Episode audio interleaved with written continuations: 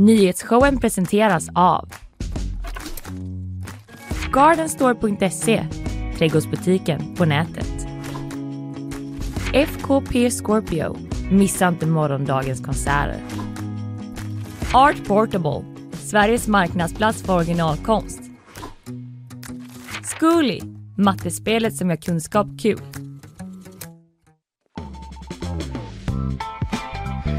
God morgon, god morgon! Dagen efter eh, nationaldagen sitter jag här med Ina Lundström. Jajamän, idag kör vi Kalle. Det gör vi. Nyhetsshowen är det du lyssnar på. Och eh, idag så ska jag prata om dammen i Ukraina som brustit vid ett vattenkraftverk som gör att tusentals människor nu måste fly och att byar totalt kommer ödeläggas. Och det är Ryssland som tros ligga bakom den här sprängningen som orsakat den här förödelsen. Vad ska du prata om Nina? Eh, Jag ska prata om Apples första nya produkt sedan 2015, Apple Watch kom. Det har, eh, kom. Det har blivit dags igen. Nu är det VR-glasögon, Vision Pro. Oj, golvad av att det var så länge sedan eh, Eller hur? de har hittat på någonting. Det. Sen kommer en gäst, Anna Klara Ivarsson från Läkare utan gränser. Hon har varit och jobbat i Sudan fram till alldeles nyligen. Vi ska prata med henne om hur det är att jobba där och eh, i konfliktzoner. Det pågår ju en eh, konflikt i Sudan som vi har pratat om här i programmet tidigare. Eh, annars blir det bakvagn senare då. Eh, jag ska prata om ett synnerligen infekterat golfbråk där alla verkar ha blivit vänner nu. Saudiarabien, Europa och USA hand i hand för en ljusare golfframtid. Sen- Otroligt. Ja, faktiskt. Sen har Alf Svensson slagit till igen också med breaking news om NATO-processen. Det är därifrån vi får våra news om NATO-processen numera. Tydligen. Otroligt. Jag tycker det är märkligt, men det återkommer vi till. Ja. Eh, Jag kommer prata lite om eh, kritiken mot relationerna mellan Marabou och eh, Liseberg. Och att det kanske blir så att vi blir snuvade på en brotävling i den här stan. Eller vi blir snuvade på en brotävling. Lite reaktioner kring det naturligtvis. Jag som är som tävlingsmänniska också. eh, jag ska prata lite mer om nationaldagen här om en stund också. Så kommer fråga dig lite om det sen. Men annars, hur är läget? Det är utmärkt. Mm. Eh, det var nationaldagen igår men jag, jag, jag, jag, glömde det för jag jobbade. Ja, det, det, precis. Vi återkommer till nationaldagen. Det kanske säger någonting om, eh, Ja, mm, om jag, någonting. Jag blev chockad i alla fall igår. Det är väl det som händer i mitt När liv. upptäckte du det? Jag upptäckte det när jag var på väg eh, från en grej till en annan och gick förbi Mariaplan och såg att det var fullsmockat på Red Lions uteservering klockan ett på dagen. Ja, ja. Och då var jag så här, vad gör ni sjuka, sjuka människor? Gå till jobbet. De öppnar inte förrän tre, här kan ni inte sitta och skrota. Och sen insåg jag att det var röd dag. Men satt folk och firade där då eller det var mer att man tog en öl? Det var, att mer, ledigt? ja, det var mer att man tog en öl för att det var ledigt och att det var öppet där Det var inte flaggor? och Nej, såg inga flaggor. Nej. Nej. Kungen var inte där. Kungen var inte där. Käkade ribs. Nej, en och annan king kanske. Ja, Säkerligen.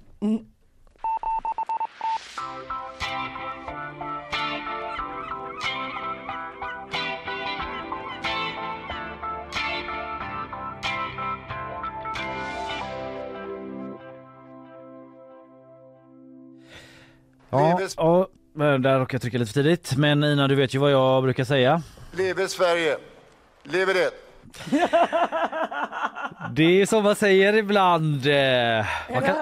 Jag måste veta, är det från talet igår? Ja, det är det. Jag tänker man kan använda det eh, lite. Det låter som något man har skrattat åt i 25 år. Det är, det låter, det är så bra utklippt. Jag tyckte det hade någonting. Lever det? Det, det har verkligen någonting. Det känns som en lite- klassisk sägning. Jag var lite rädd att säga någonting för jag tänkte åh jag kommer framstå som en sån idiot. Det här är typ som kära örebroare eller Ja, någonting. nej, nej. Det här var från igår i Strängnäs när Åh. kungen var där. Jag tänker man kan använda det som eh, lite då och då typ. Inflation, Kingen är fan du. Otroligt bra utklippt. inflationen slår nya rekord och maten har aldrig varit dyrare. Leve Sverige! Leve det! Lite ironiskt så. Eller ska man vara mer uppriktig? Loreen vann Eurovision igår ju. Leve Sverige! Leve det! Ja, det finns många olika sätt att använda sig av det på. Men jag, blev, jag vet inte vad det var. Det var någonting han sa. Lever Sverige! Lever det! Det är otroligt. Men det är väl också Jag blir att berörd, det, typ. det, Ja, men det är väl inte heller att man så ofta tänker på Sverige som ett det. Nej, Nej. det kanske är det Nej, ja. Ett Sverige Ja. bland många. Lever det. För att han är ju så bra på att prata så som Sverige lät förr i gamla typ journalfilmer Ja. från 50-talet. Det Och då finns en person som pratar så. så. fortfarande och det är Och det är kungen. kungen. Ja. Det hade varit rimligare att säga lever Sverige, lever vi eller Ja. lever oss. Eller då, det. Lever Sverige och sen bara köra igång. Ja, Men det att han liksom är, lägger det, till. Precis, Ja. Den lilla lever det. Är den är otrolig. En Ja. modern klassiker. jag tycker det. Eh, det var i alla fall då kungen som utbrast i ett fyrfaldigt leve till Sverige på nationaldagen, tagen, nationaldagen. Eh, vi kan ta en liten eh, längre bit från det då, eh, Okej. där man också får höra den härliga fanfaren. Lever Sverige! Lever det! Hurra!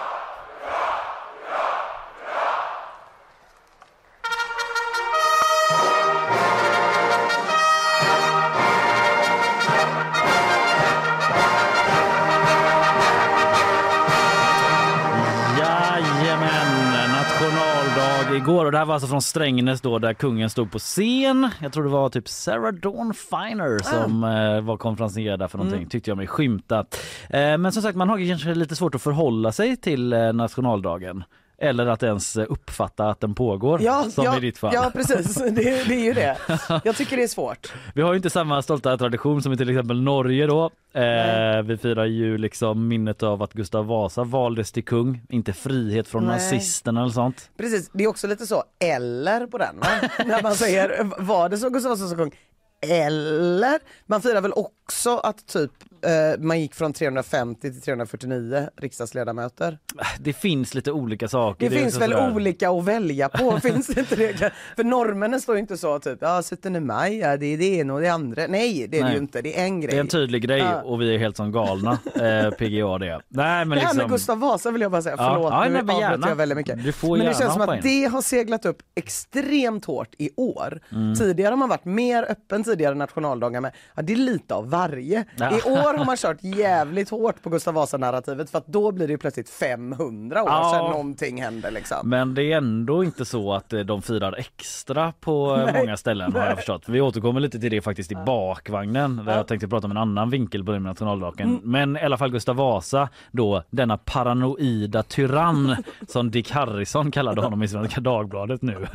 Shots fired. Ja, det får man säga 500 år senare. På säkert avstånd kommer Dick Harrison. Säg det till hans Pew, face. pew. Då blir det fan blodbad. Eh, I alla fall, vi är lediga sedan ett tag tillbaka. Det kanske är det viktigaste för många. Eh, men eh, som kungen själv säger. Och vägen mot den svenska nationaldagen har varit lite, kanske lite krokig. Ja, men lite krokig. Eh, men Nu finns det inte något tvivel. över vad då? Jo, Den 6 juni är den dag vi svenskar gemensamt firar vår, vår glädje och tacksamhet över att få leva i ett fritt Sverige. Just det, men ja. vad tänkte du? Nej, jag bara kände mig dum som inte gjorde det. Nej, du måste lyssna på kungen nu. det får bli ditt eh, nyårslöfte. Lyssna mer på kungen, inte bara på Kingsen Nej. på Red Lion. Nej. Nej, men han pratade om demokrati och yttrandefrihet och så vidare. Han hyllade flaggan som en självklar symbol för allt vi har uppnått och kämpar för att behålla när han stod på den här scenen i Strängnäs då. Och en annan som också var i Strängnäs, det var Ulf Kristersson. Han bor ju där. Jaha, Ja. Va- va- varför är, varför är all, all, allt ljus på Strängnäs plötsligt? Eh, ja, Oklart. det, jo men det här... nu det något med. Gustav Vasa Ja, att det göra? har något med Gustav Vasa att göra och okej. kyrka där. Förlåt min okunskap Ja, liksom. Vet du Jag- vad, det där räcker för mig. jag, jag vill inte prata med Dick Harrison, det där räcker för mig. Ja men du vet kungen hade ju ändå det där Liksom, det var ett hoppfullt anslag Ja. liksom, att vi ska fyllas med stolthet och eh, kärlek till Sverige. Så här började Ulf Kristersson eh, sitt eh, tal. Det var den här tonen lite mer. På bara 12 år har nästan 700 000 personer blivit svenska medborgare. Under samma tid har 1,2 miljoner utländska medborgare invandrat till Sverige. Ja, lite mer siffror. Så här är läget. Så här många är vi nu. Eh, jag ska spela upp eh, en Det det låter inte heller som att det ska avslutas med lever det? det nej, nej, precis. Och det betyder alltså 700 000 nya asylsökande. Lever Sverige! Lever det! Det var inte det han var ute Inte den stämningen. Jag ska göra en gr- väldigt grov huggen som ni kommer att höra sammanfattning här av vad han sa mer då. Utanförskap, den dåliga integrationens spänningar. Många som är födda här men som inte längre känner igen sig. För nya svenskar som inte känner sig välkomna in i samhällsgemenskapen. Som inte lär sig språket, eller som inte vill acceptera grundläggande svenska värderingar. Det svenska medborgarskapet. Även kriminella har lätt kunnat bli svenska medborgare. Personer som har ljugit uppvärderar det svenska medborgarskapet. nu fulklipper jag ju upp lite grann men eh, Jo. det känns ju, det var inte samma positiva svung i Nej, det. nej, verkligen inte. Men nu börjar jag förstå vad det är vi firar. Att det inte är något riktigt vi firar utan det är mer någon sån dag man bara får ondgöra sig över allt som har gått åt helvete med Sverige. Ja. Lät ju som. Precis som Dick Harrison gör med Gustav Vasa också. Exakt. Det var inte så Mm. bra som man trodde. Nej, men han pratade också om att många, att det var två liksom, konsekvenser av att det har kommit så många till Sverige då att eh, en konsekvens är att jättemånga har bidragit till det svenska samhället. Det var den ena delen. Det andra var det här med att eh, alla negativa exempel Just som det. vi hörde prov på här då.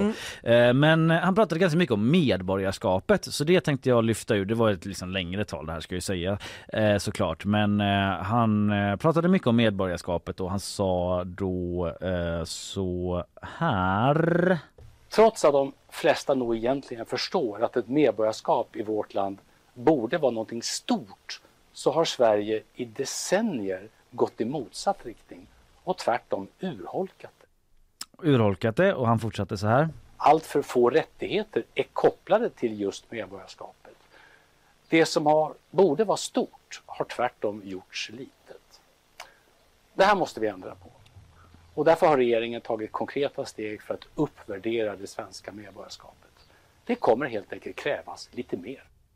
Ja, vi har ju pratat om det i programmet här tidigare att man ska göra det lite svårare då att eh, bli medborgare i Sverige och han pratade om språket som binder oss samman och om gemensamma värderingar och så vidare. Och det väntas ju då som sagt eh, skärpta krav på att bli medborgare som väntas påbörjas i sommar. Samtidigt har pressen på Migrationsverket ökat då eftersom de hanterar fler medborgarskapsprövningar än tidigare. Det kom in 6 till 8 000 fler ansökningar under hösten än vad vi hade med eh, än vad vi hade med i våra prognoser säger eh, Mats Rosenqvist på Migrationsverket till SVT. Så det är liksom en ökning där och det handlar om att eh, de som fick uppehållstillstånd då mellan 2014 och 2016 då det var en stor tillströmning av flyktingar och migranter så eh, har det gått så pass långt då att de eh, får ansöka. Eh, De har varit här så pass länge mm och en del har då också liksom rusat att ansöka efter att Tidöavtalet presenterades. Just det. Står det i en artikel från SVT. Ja, så sammanfattningsvis eh, nationaldagen, en tid att vara stolt, en tid för att söka medborgarskap, en tid för att inte göra ett eh, skit kanske. Eh, man tar sig an den lite hur man vill. Kan man inte få den en gång till? Eh, absolut. Leve Sverige! Leve det!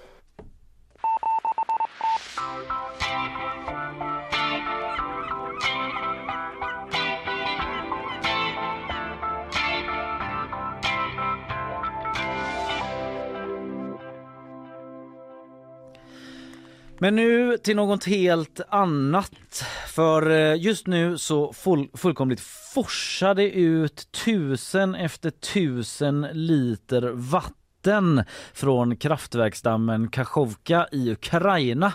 Jag vet inte om du har sett några bilder därifrån? Jo, jag såg lite igår. Mm. Mm, det är ju väldigt iögonfallande. Det är alltså Ryssland som sprängt den här dammen, åtminstone enligt Ukrainas inrikesdepartement och många bedömare. Och Ryssland pekas även ut av amerikanska underrättelsetjänster eller underrättelsekällor för att ligga bakom det här. De själva menar dock att det är Ukraina som ligger bakom. Eh, det brukar ju låta så Ja. ibland. Ryssland. Eh, vi kan återkomma till det. Men det avfärdas brett att det skulle vara Ukraina kan jag säga redan nu. 17 000 personer kan behöva evakueras enligt myndigheterna. Byar riskerar att ödeläggas och redan har ett 20-tal byar svämmat över. Och jag ser bilder på gp.se där eh, människor går liksom med vatten till knäna och försöker sig ta, ta sig fram på gatorna. En äldre kvinna som står i sitt hem med vatten nästan till midjan och håller upp två hundar så här som inte vet vart de ska ta vägen. Alltså levande hundar. Ja.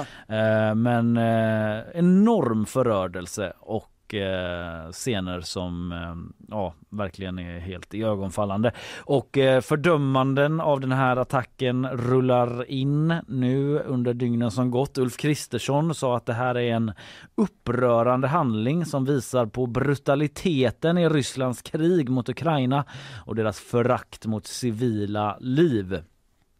Sveriges ambassadör i Kiev, Tobias Tyberg, säger att det är en fullkomligt sanslöst barbarisk eh, brottslig handling. Mm. Och eh, det sa han till P4 Extra och den svenska överstelöjtnanten Peter Lidén säger till SVT att det är ju folkrättsbrott rakt igenom det här. Rakt igenom folkrättsbrott. Mm. Storbritanniens utrikesminister kallar sprängningen för ett krigsbrott och en avskyvärd handling. För det är alltså en sprängning då. Det. Som eh, det verkar vara, som verkar vara fallet, som det verkar handla om. Ukrainas president eh, Volodymyr Zelensky eh, skrev på Telegra Telegram då att eh, Igår skrev han det att ryska styrkor genomförde den här sprängningen klockan 02.50 natten till igår. Så under natten där så skedde detta och den här dammen den ligger då i södra Ukraina längs floden Dnepr som eh, ligger numera då i ryskkontrollerade Chersonregionen. Strax norr omkring Krim är det. Ah, okay. mm. eh, om man har koll på Ukrainas karta, vilket en del kanske har nu för ja, tiden, nu för något tiden. sånär, ah. så mm. ligger ju Krim där i söder och så är det några mil eh, norr om den halvön då. Och eh, förutom att de här byarna då riskerade att förstöras och alla de här människorna fly. En av byarna är för övrigt en gammelsvensk by ah. eh, som man har hört om. Den ligger mm. dock norr uppströms eh, om eh, verket och dammen. Men eh, den riskerar att drabbas av vattenbrist då. Det är en ja, annan konsekvens. Ja, mm. ja, just det. Så förutom det så ligger ju även det här kärnkraftverket Zaporizjzja 15 mil därifrån och då har man varit oroliga för att kylvattnet eh, ska det bli brist på för att man använder vatten från reservoaren till att liksom kyla ner kärnkraftverket. Mm. Det ska man ju göra. Kan ja. inte för någon kärnfysiker. Men Nej så men mycket så mycket vet man ju. Eh, men IAEA, internationella atomenergiorganet, de säger att i nuläget inte finns någon risk för eh, anläggningens säkerhet. Nej. Men det är i alla fall lika mycket, jag vet inte om du kommer bli hjälpt av den här bilden Nina, men lika mycket vatten som hela Mälaren är det som riskerar att forsa ut. Ja men lite hjälpt faktiskt. Mm. Ja. Och det, det, det, bara flödar ju ja. fram där, det är såna otroliga naturkrafter ja. när man ser bilderna liksom.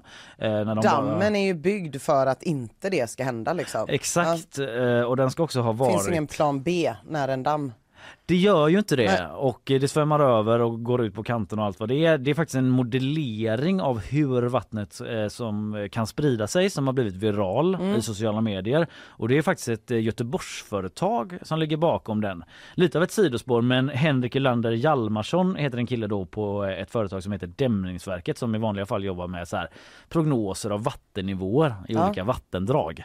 Eh, och han har på sin fritid då suttit och gjort den här modellen Aha. över vad som skulle hända just om dammen skulle ge vika. Han satt med det i höstas och pillade. Okay. Just för att det cirkulerat uppgifter från ukrainska företrädare om att det skulle kunna ske genom en rysk sprängning. Och då blev väl han nyfiken då, ja. eller intresserad. Och eh, han understryker att det är en väldigt så här, grov modellering, en uppskattning för det är svårt att föra in exakt rätt data i det här programmet som gör modelleringen. Eh, men han eh, säger att man kan kalla det för en illustration över vad som skulle kunna hända. Liksom. Eh, och man ser där hur vattnet så sprids över landmassor mm. nära floden. Eh, men det är också så att hans indata, då, den här datan som han eh, matas in, verkar vara fel. För han hade inte räknat med att det skulle finnas så mycket vatten i dammen som det mm. gjorde. Där hade han räknat i underkant, Und, ah, okay, ah. underkant mot den verkligheten då. Mm, mm. Eh, han säger så här till oss på GP. Det verkar som man fyllt upp dammen till den yttersta bristningsgränsen. Vattennivån är högre än vad jag trodde den kunde vara. Det ser ut som att Ryssland har fyllt på dammen så mycket som möjligt för att få en så stor förstörelseeffekt nedströms som möjligt. Det är min tolkning. Ah får man understryka att det är hans tolkning ja. då. Eh, vi har inga bevis för det men han blev i alla fall helt nerringd igår av ah, internationella medier. Det, ah. ja, eh, det var liksom eh, BBC och New York Times och sådär så han fick sätta sig och skriva ett sånt där standardsvar mm, mm. berättar han som han kunde skicka till alla då. Men hans modell och andra uppgifter då visar ju på de här enormt allvarliga konsekvenserna och mänskligt lidande och infrastrukturell förödelse om vi backar tillbaka lite till skuldfrågan då för detta. Där vi började lite grann. Inget är bekräftat kring vem som ligger bakom men Ryssland eh, säger då att eh, Ukraina har gjort det här för att skapa gynnsamma förutsättningar för en omgruppering inför, ett fort, inför en fortsatt motoffensiv. Lite svårt att förstå men att de på något sätt skulle skapa sig utrymme då för att omgruppera och slå mot Ryssland senare. Ja. Men eh, även om det inte är klarlagt då i detalj i skuldfrågan så är det ju ingen som, eh, vad jag har sett, skriver under Nej, på den nej. förklaringen. Eh, till exempel så dömer Tysklands förbundskansler Olaf Scholz ut Rysslands agerande och menar att det innebär en ny dimension i konflikten. Av allt att döma är detta en aggression från den ryska sidan för att stoppa den ukrainska offensiven, säger Scholz enligt Reuters. Och Ukrainas president Zelensky säger dock att det här inte påverkar Ukrainas stridsförmåga. Det är väl i hans Ja. intresse kanske också Ja, att säga det, men det är vad han säger i alla fall. Samtidigt så har också minor från olika fält slitits loss med Ah. vattenmassorna. Så det läste jag också om att Mm. de har forsat ner längs floden och sprängts på olika platser. Fy fan. Så det är en riktig mardröm Ja. såklart, en annan konsekvens av det som har skett. Och eh, Ukrainas FN-ambassadör mm, på tal om minorna då har sagt att det skulle vara fysiskt omöjligt för Ukraina att genomföra den här attacken eftersom eh, området runt dammen just är minerat Ja. av Ryssland.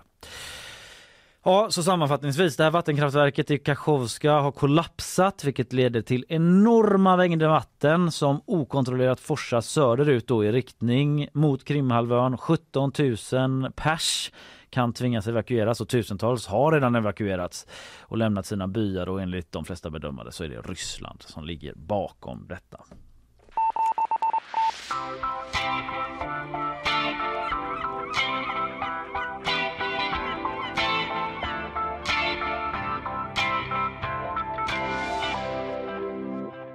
Vi ska få ett nyhetssvep från Isabella Persson. Vi ska prata om Apples senaste megalansering. Jajamän. Då- Vision Pro. Vision Pro. Först våra sponsorer. Nyhetsshowen presenteras av Gardenstore.se, trädgårdsbutiken på nätet. FKP Scorpio, missa inte morgondagens konserter. Art Portable, Sveriges marknadsplats för originalkonst. Zcooly, mattespelet som gör kunskap kul.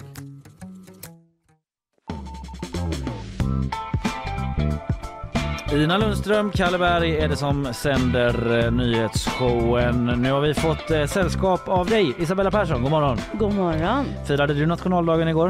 Eh, nej, det får jag... Nej, nej. Nej.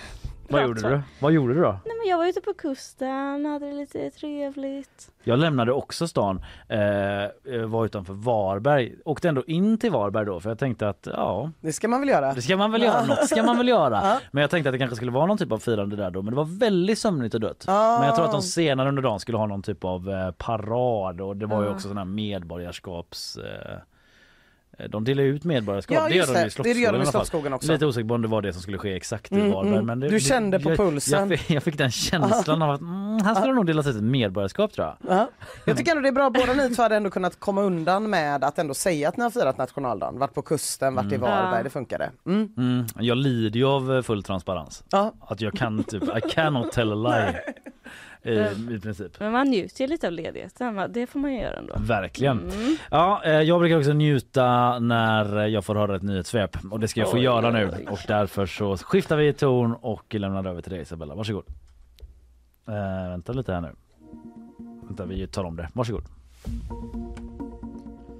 Flera personer har skadats efter en skottlossning på en gymnasieskola i USA. Igår kväll efter en skolavslutning i staden Richmond i Virginia blev sju personer beskjutna och en 18-årig student och en 36-åring har avlidit.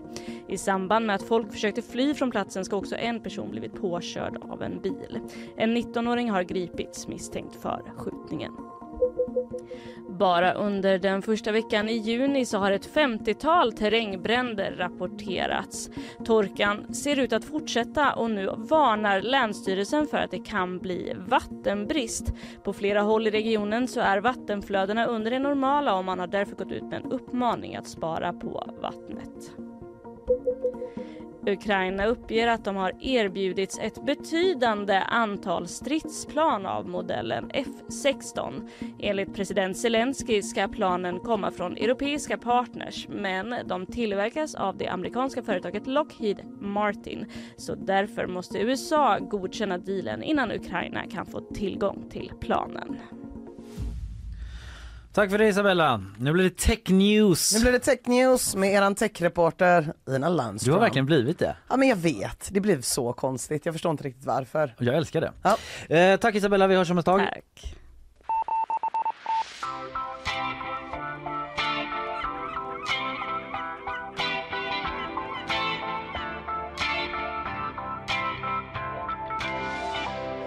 Ja du Kalle, hela den här veckan så pågår WWDC.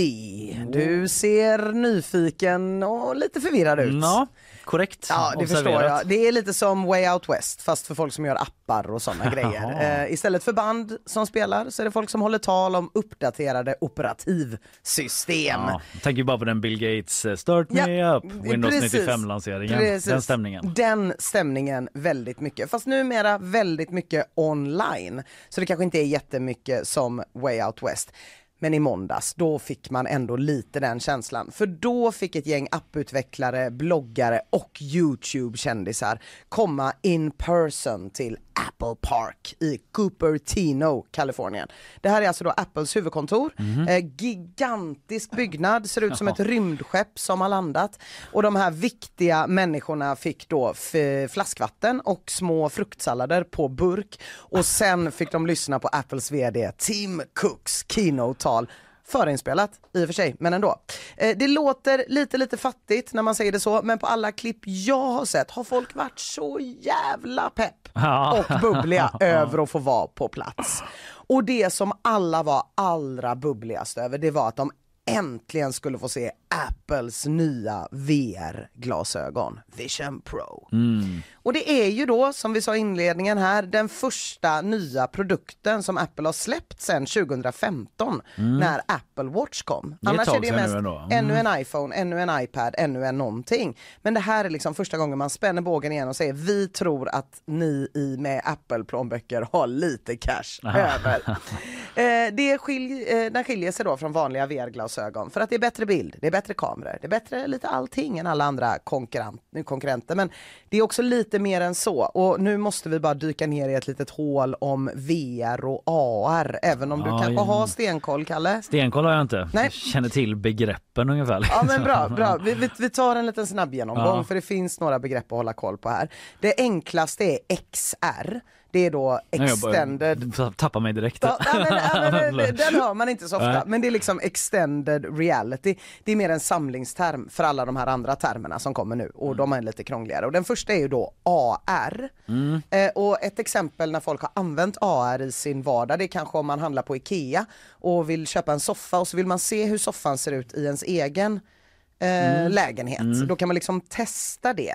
Eh, eller om man använder ett filter i typ någon social, ja, typ Instagram eller så, så kan man få en hatt eller en Ja, hundnos. just det, just det är det. liksom AR då, så det är extra Att information. man står hemma typ och har den appen och så bara, ja, så här skulle soffan se ut där då. Exakt, exakt. Så den visar liksom mer än det du tittar på, men den använder det du tittade på. Det är Ja. lite kul, men det är också lite begränsat. Och sen så har vi då VR, virtual reality. Det är ju liksom att man är helt inne i en 3D-genererad Ja. låtsasvärld.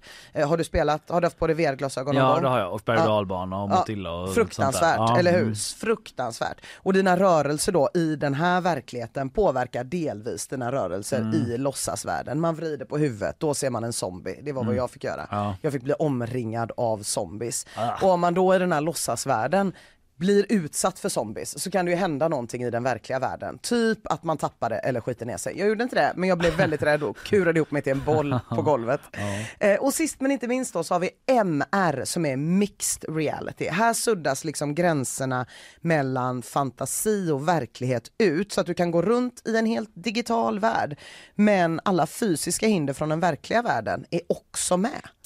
Det låter inte sunt nästan. Det låter nästan inte sunt. Står det en stol på golvet i den riktiga världen, då kommer det stå en stol i låtsasvärlden. Eller så kan det bli något annat. Det kan bli en jättegroda eller ett slukhål eller vad du nu vill att det ska göra. Det låter coolt också. Det är rätt coolt faktiskt. Eh, Och jag kallade ju liksom Vision Pro för VR-glasögon här i början men det var mest för att folk eh, skulle fatta vad det var för något. Men det Ja. stämmer liksom inte riktigt. Egentligen är det ju då MR-glasögon, Mixed Reality brillor. Ja, okej. Alltså efter demonstrationen av Vision Pro, eh, då berättade de som hade fått testa om en dinosaurie som sprang förbi i rummet precis bredvid dem och att en fjäril hade flugit runt, satt sig på deras hand när de sträcker ut sin hand. Mm.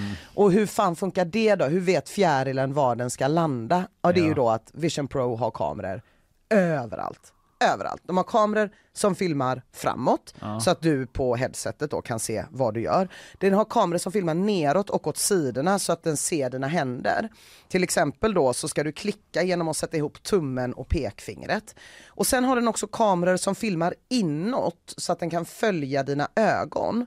Eh, och sen finns det jättemånga kameror och sensorer som jag inte riktigt förstår. Nej. Sen har den tre skärmar. Två skärmar eh, på insidan, en för varje öga och en skärm på utsidan. Varför har den en skärm på utsidan? Undrar Ja. man lite grann. Jag vågar inte gissa. Jo, så här. För om du har på dig ett par Vision Pro, eh, då ser jag ju, om jag har på mig dem nu, Ja. då ser ju jag dig. Men du ser ju inte mig. Det är som att du pratar med mig men du kan inte se mina ögon. Vision Pro, de är som ett jättestort cyklop liksom. Ja, ja. Med helt svart skärm. Du ser hur de ser ut där Ja men kanske. jag bildgooglade det för att jag undrade hur stora är de här glasögonen jättestora. egentligen med alla kamerorna. Men ja de är stora men de är ju också inte så stora nästan som jag Nej, trodde. jag tycker de är rätt stora alltså. Det ser ut som skidglasögon. Det ser ut som skidglasögon och då är det ju lite taskigt om vi pratar med varandra och jag kan se dig och du bara ser skidglasögon. Ja. Så istället så har de också en skärm på utsidan då där mina ögon visas som en 3D-genererad bild när de rör sig på exakt samma sätt som mina riktiga ögon skulle göra inne i de här glasen. Och det är ju inte alls obehagligt. Nej precis, avslappnat och normalt det skulle kännas. Det är lite som att gå ö, över ån efter vatten kan man tänka. Varför inte bara visa någons ö, ögon? Men det är ju för att jag måste ju kunna se saker Ja. eh, extra. Till exempel om jag pratar med dig eller går runt och minglar på en fest. Eller om du går runt och minglar på en fest med de här glasögonen på. Då kan du ju få upp extra information om alla gästerna, vad de heter, vad de har för sociala medieprofiler. Det är, Det är ett ju sånt litet James namn. Bonds glasögon för tio år sedan liksom. Och så behöver du inte komma ihåg vad folk heter och alla kommer känna igen dig som han den här creepy killen som har ett jävla ögonakvarium på huvudet. Så du kommer inte heller behöva något lamm längre. Men det är svinbra. Och då kanske du tänker så här Kalle, fan vad mäktigt, jag vill vara creepy killen med ögonakvarium. Where do I sign up?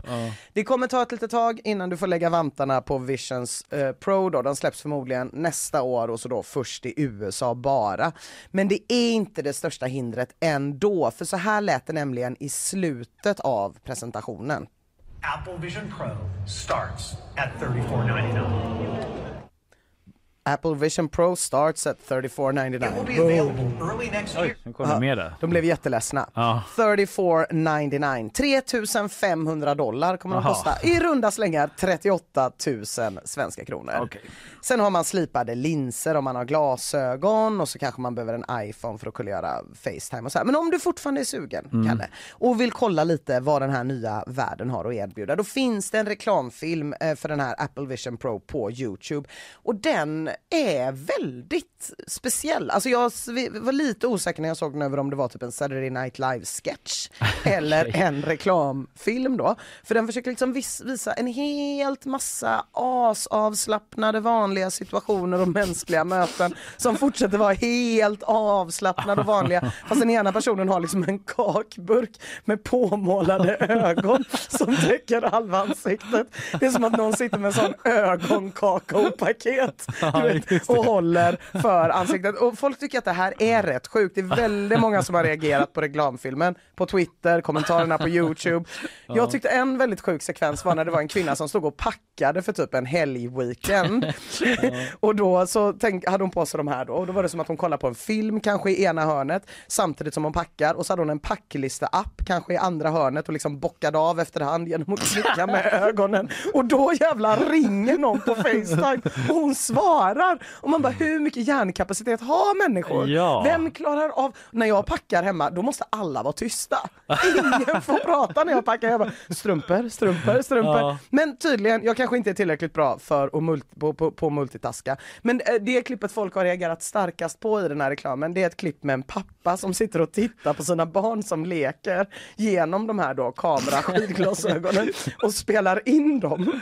Och sen senare sitter han helt själv i soffan och titta tittar på det här klippet igen i sina svinstora glasögon. Och det är så deppigt för han ser så himla ensam ut båda gångerna. Och det, och det, det är inte bara det att det verkar vara väldigt, väldigt isolerande som folk tycker är segt, utan folk har ju liksom dratt paralleller till ett avsnitt av Black Mirror som jag inte vet om du har sett, men de har uppfunnit något slags hjärnimplantat i den serien då som är Ja. påhittad där man kan spela upp allt som har hänt igen. Ja, För det är ju tanken att man ska kunna göra med de här. Och då sitter en svartsjuk man och liksom återtittar om och om igen på sin fru. La hon inte sin hand på ett lår? Händer det inte Aha, någonting där? ja, alltså så här, det kan bli rätt creepy. Men nog gnällt. Varför gör Apple det här? Varför vill de så himla gärna att vi ska gå runt med en hemmabioanläggning på huvudet? Jo, jo, för att folk som lallar omkring i skogen eller fikar med en kompis eller åker på dartturnering eller paddlar kajak, de genererar inga pengar för någon annan. De genererar lite pengar till någon kajakuthyrare och någon darttävlingsarrangör. Men inga riktiga pengar, i alla fall inte ur Apples perspektiv. Nej. Men om man kan sitta hemma i soffan och lalla runt i skogen eller vara med i en virtuell dartturnering eller fika med sin kompis på ett digitalt café, då är det lättare. Då kan man säga till sina annonsörer att vi i de här glasögonen har 100% engagement och den tiden, den går att sälja.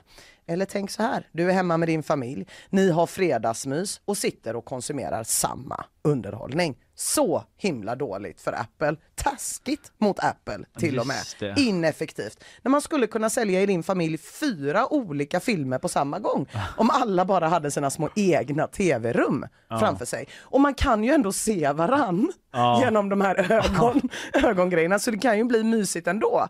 Att du kanske, din femåring kanske sitter och tittar på den där roliga scenen i Frost. Du Ja. vet när Anna pressar nycklarna, läpparna mot nyckelhålet och är så om du får välja vad vi leker. Och då kanske ditt barn så fnittrar till och tittar på dig pappa som sitter bredvid för att liksom utbyta ett ögonblick. Fast du kanske tyvärr då kollar på den där scenen i Nyckeln till frihet. Han som har blivit utsläppt från fängelset hänger sig för att han inte klarar av livet utanför mu- murarna.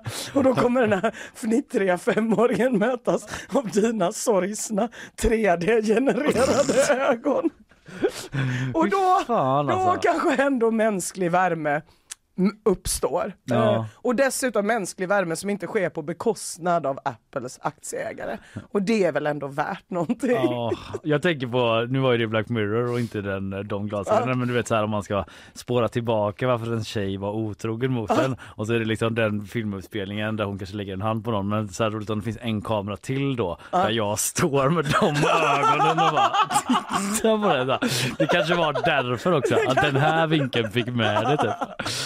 Ja, sant. Äh, nej men det är väldigt konstigt. Det, det, det verkar ändå som att många, alltså det finns gott om Apple-heads där ute Mm. som är så här, vad synd, då får man budgetera för att man kommer bli 40 000 kronor fattigare nästa år. Ja. För att de här måste jag ha liksom. Är det andra som släpper sådana här liknande också? Alltså eller? inte såna här, nej. Nej. utan eh, det är ju lite speciellt faktiskt för att VR-glasögon har ju ändå inte, eller och det här är ju inte VR, det är MR-glasögon men de har ju inte varit eh, de har liksom inte varit en allmän produkt. Annars brukar ju Apple vara ganska bra på, som med Apple Watch exempelvis. Folk har redan träningsklockor. Folk har olika typer av smarta klockor. Vi gör en som är lite snyggare, lite mer slik och till alla Apple-fanboys som är liksom 90% av alla människor i Göteborg känns det som ibland. Eh, och de kommer köpa den, vad bra. Men det här är ju liksom att man tar ett väldigt stort steg för människor. Men å Ja. andra sidan, alltså jag vet inte, jag har så många gånger hånat grejer som Apple gör och så många gånger går det bra. Det känns som att Apple och Kanye West, de är lite på den nivån kanske, eller var kanske på den nivån, där eh, vi är så coola så vi kan få folk att göra vad som helst. Och sen var Kanye West så här, rösta på Trump och då var alla så, not cool. Ja. Kanske är det här liksom Apples not cool. Eller kanske kommer vi gå runt med de här kakburkarna på huvudet. Det är inte heller omöjligt. De flesta som har tittat på dem är svinpepp och framförallt då för flygresor. Och så. Och resa. Men jag undrar också vart ska man resa? Alltså ska man åka till ett fysiskt möte med jobbet Ja. när man kan ha ett möte i glasögonen? Nej, jag vet. Det är ju risk att man eh, bara blir sittande i soffan hela livet då. Liksom. Ja. Men man tänker också, ja, fan, nej, det är så mycket som uppstår i huvudet. Ja, ja. Eh, ja. Nej, man ser ju fram emot att se den första personen på gatan med sådana Går de? 3D-genererade. Ja men jag tänker att det kommer vara som första gången man såg någon med en bluetooth. Att man typ så, ha ha ha varför har du en USB-plugg i ansiktet din tönt? Och sen så har alla det. Alltså det, det, alla kommer ha det.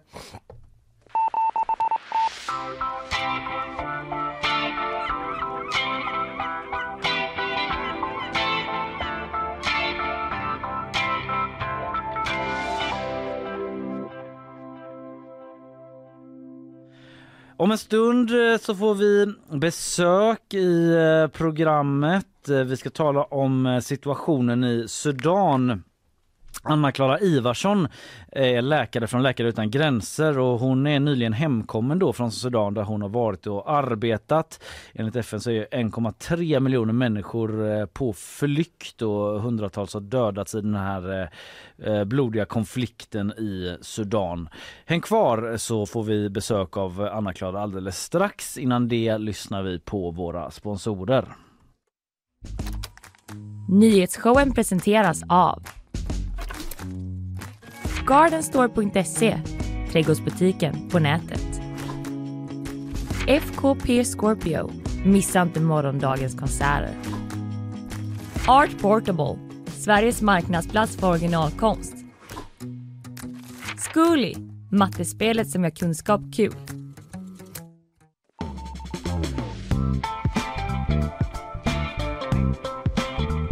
Häng kvar eh, som sagt. Eh, Anna-Klara Ivarsson är läkare från Läkare utan gränser och är nyligen hemkommen från Sudan där hon arbetat under tuffa förhållanden i konflikten som råder där.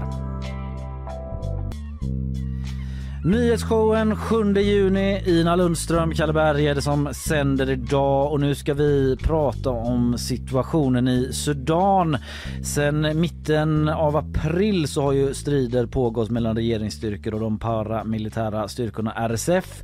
Vi ska inte prata allt för mycket om bakgrunden och själva konflikten som sådan men det pågår ju en maktkamp mellan generalen för armén och ledaren då för den paramilitära styrkorna. De vill båda leda landet men man har flera gånger då kommit överens om tillfällig vapenvila som flera gånger också har brutits.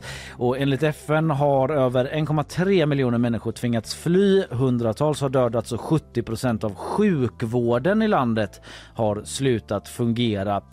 Och hur är det då att bedriva sjukvård i en sån här situation? Vi ska prata om det nu med dagens gäst. Hon är läkare från Läkare utan gränser och har jobbat i Sudan fram tills nyligen. Välkommen hit Anna-Klara Ivarsson. Tack så mycket. Du, eh, tack ska du ha för att du kom hit. Eh, du evakuerades ju då från eh, ett flyktingläger för drygt en månad sedan, du och dina kollegor. Ja. Om vi börjar där, hur var känslorna att behöva lämna? Alltså, det är ju självklart jätte, jättesvårt. Ehm, vi var, eh, det var delar av den internationella personalen som evakuerades. Eh, och eh, hela, all den lokala personalen är ju kvar. Så att det som var svårt var ju framförallt att liksom känna att man lämnar dem i sticket och man, man blir ju väldigt eh, medveten om hur privilegierad man är som, som svensk att kunna liksom eh, man har åkt dit för att, för att hjälpa till eh, och när det blir, när det hettar till liksom, så, så åker vi och så lämnar vi eh, kollegor som har blivit vänner eh, i en situation när de också lever sin vardag i den här liksom krigszonen. Kan du Eh, beskriva det här flyktinglägret där du var? Alltså jag jobbade i ett, ett läger då för människor som har flytt kriget i eh, Tigray i Etiopien. Mm. Så det är 24 000 människor i det här lägret. Det finns flera läger eh, både i Sudan och i Etiopien. Ehm, så det var 24 000 människor som bor i det här lägret. De flesta från Tigray. 24 000. Ja. Ja. Så det är och mitt ute i öknen. Ehm, det finns ju ingenting där. Eh, och eh, de är ju helt beroende av internationella organisationer för att få mat, vatten, sjukvård. Eh, så att det är ju otroligt viktigt för dem att vi är kvar. Alltså, tänk att vara, vara flykting från ett krig Mm. och ha flytt, lämnat allt bakom sig och sen vara dit man har flytt då blir det krig igen. Där blir det också krig ja. Ja. Hur, eller Ina förlåt. Här, jag bara eh, tänkte, hur, vet du hur arbetet har fortsatt sen du, eh, sen ni evakuerades? Ja, alltså jag har mycket kontakt med mina kollegor. Alltså, det är ju ett jätteerfaret team som vi lämnade och eh, nu har det kommit in internationell personal igen för att stötta. Eh, och de eh, jobbar ju liksom på fortfarande men det är ju att jobba, att arbeta i en sån här eh, situation gör ju att det är jättesvårt att få in eh, material, läkemedel. Eh, eftersom, som jag sa, vi är mitt ute i en öken så det finns ju ingen elektricitet utan vi har generatorer. Mm. Få in bränsle blir ett problem. Eh, vi har, alltså det här påverkar ju hela landet, påverkar ekonomin, Mm. banksystemet, vi har inte kunnat ge lön. Eh, eller under de första veckorna kunde vi inte ge någon lön till vår personal. Ja, Just det. Så att eh, det blir ju, det, det är ju jättesvårt. Ja. När du håller kontakt med kollegor och så, då är det liksom att man sitter och chattar i Whatsapp och så? Ja. eller Hur går det? det är det? ja? Exakt att så. Man ändå har, du har typ en chattgrupp liksom? Ja, nej men exakt så. Alltså, sen tyvärr, eh, internet var ju dåligt redan när jag Ja. var där. Nu är det ännu sämre. Men vi får ju kontakt liksom Ja. och sådär. Men gud vad speciellt. Eh, vad pratar ni om då? Det liksom så här, hur var din dag idag? Har du sett sista Succession? Kan det vara sånt också? Eller du vad jag menar? Liksom? Jo, jo, men alltså, det, det är ju det som är så sjukt. Ja. Då skickar jag någon bild från min AV liksom i solen. Ja. Och sen så, eh, alltså det är ju blandat. Det, det, det är ju mycket att man pratar om vardag också och, och eh, liksom sånt som händer och ja, men skvaller. Ja. liksom. Och Man kan ju inte bara prata om eländet tänker jag mig. Nej, för nej. att man ska orka med då. Nej, nej men det är ju det som är fint och, och så himla svårt att eh, deras liv fortsätter ju i detta. Mm. Liksom. Och eh, alltså jag var ju chef nu i det här projektet och jag hade liksom samtal med, med min personal om deras framtidsdrömmar och sådär innan det här hände. Och sen att prata med dem nu, liksom vad de tänker om framtiden och alltså det är Mm. jätte fruktansvärt Mm. att, eh, att det är det som är deras vardag nu liksom. Du lämnade ju då det här lägret. Hur var situationen där? Vad var det som gjorde att ni evakuerades? Alltså där, där jag var, som tur var var det aldrig några stridigheter. Eh, men eh, situationen i landet eskalerade ju otroligt fort. Och det har, eh, det är ju mycket, alltså framförallt i Darfur, eh, i västra delen av landet och i Khartoum har det Mm. varit Huvudstaden. i Mm. precis Mm. huvudstaden Khartoum. Eh, har det varit väldigt, väldigt våldsamma strider. Eh, och eh, man, MSF eller Läkare Utan Gränser kände att det här är liksom en situation vi inte har kontroll över överhuvudtaget. Mm. Utan då försöker man att ta ut så mycket internationell personal som, internationell personal som möjligt. Och sen ändrar man ju om lite grann eh, fokus från sådana långvariga projekt, till exempel mot undernäring eller sånt där som är ett jättestort problem Mm. redan sedan innan. Men nu då fokusera mer på liksom kirurgiska insatser såklart i de eh, områden som är värst drabbade, men även att stötta. Det är ju som du sa mer än en miljon flyktingar Mm. Eh, som man stöttar både då i, i Sudan och de som har flytt till grannländer som Chad och Mm. Centralafrikanska republiken och så. Hur såg din vardag ut där då? Det är väl kanske att ingen dag är den andra lik men om man ska beskriva någon sorts vanlig dag för dig. Du menar innan? Ja. Eh, nej, alltså vi var ju ganska, eh, det var väldigt mycket jobb. Ja. vi bodde ju liksom i eh, flyktinglägret. Eh, så att det var ju mest liksom eh, jobb och sen eh, de har ju liksom lite restauranger där som man kunde gå till och sådär. Eh, Men de människorna som du eh, behandlar då liksom, vad, Mm. var det, vad var det du stötte på där som du hjälpte folk med? Ja, alltså eh, redan innan krisen är ju tyvärr Sudan ett, ett land som har haft väldigt stora humanitära behov. Eh, jag tror FN har, eh, gjorde en bedömning att ungefär en tredjedel av landets befolkning var be, i behov av humanitärt stöd redan innan detta. Mm. Och eh, det är ju mm, mycket m- till exempel mödravård, alltså se till att man har eh, säkra eh, förlossningar, eh, väldigt mycket barnhälsovård, eh, vaccinationsprojekt, eh, undernäring jobbade vi Mm. ganska mycket med i, i det projektet Vad gör man då? Ja, alltså då eh, screenar man barn och ser liksom hur vikten är. Eh, och eh, sen får de ju, eh, om man ska säga, liksom som jordnötssmör Okej. i, i en sån liksom liten plastförpackning. Eh, och så, eh, som är väldigt näringsrik då och eh, så följer man dem Ja. under en tid. Och sen är det också, handlar det också om eh, information till föräldrarna om hur de ska tänka kring mat och, och sånt där. Men alltså det, i många områden är det ju liksom det, det, det är realiteten att det är svårt att, få, att hitta näringsrik mat eller liksom att de har inte tillräckligt. Ja. För det är det jag tänker också. Jag har läst om att det har varit svårt att nå fram med eh, olika förnödenheter Mm. till olika områden. Alltså nu är det ju jätte, jättesvårt. Det är ju en av de största problemen Ja.